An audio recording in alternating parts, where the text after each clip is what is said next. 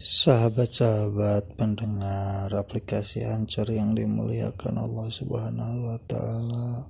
Pada kesempatan pagi hari ini, marilah kita senantiasa selalu bersyukur bermunajat kepada Allah Subhanahu wa taala seraya mengucapkan alhamdulillah alamin.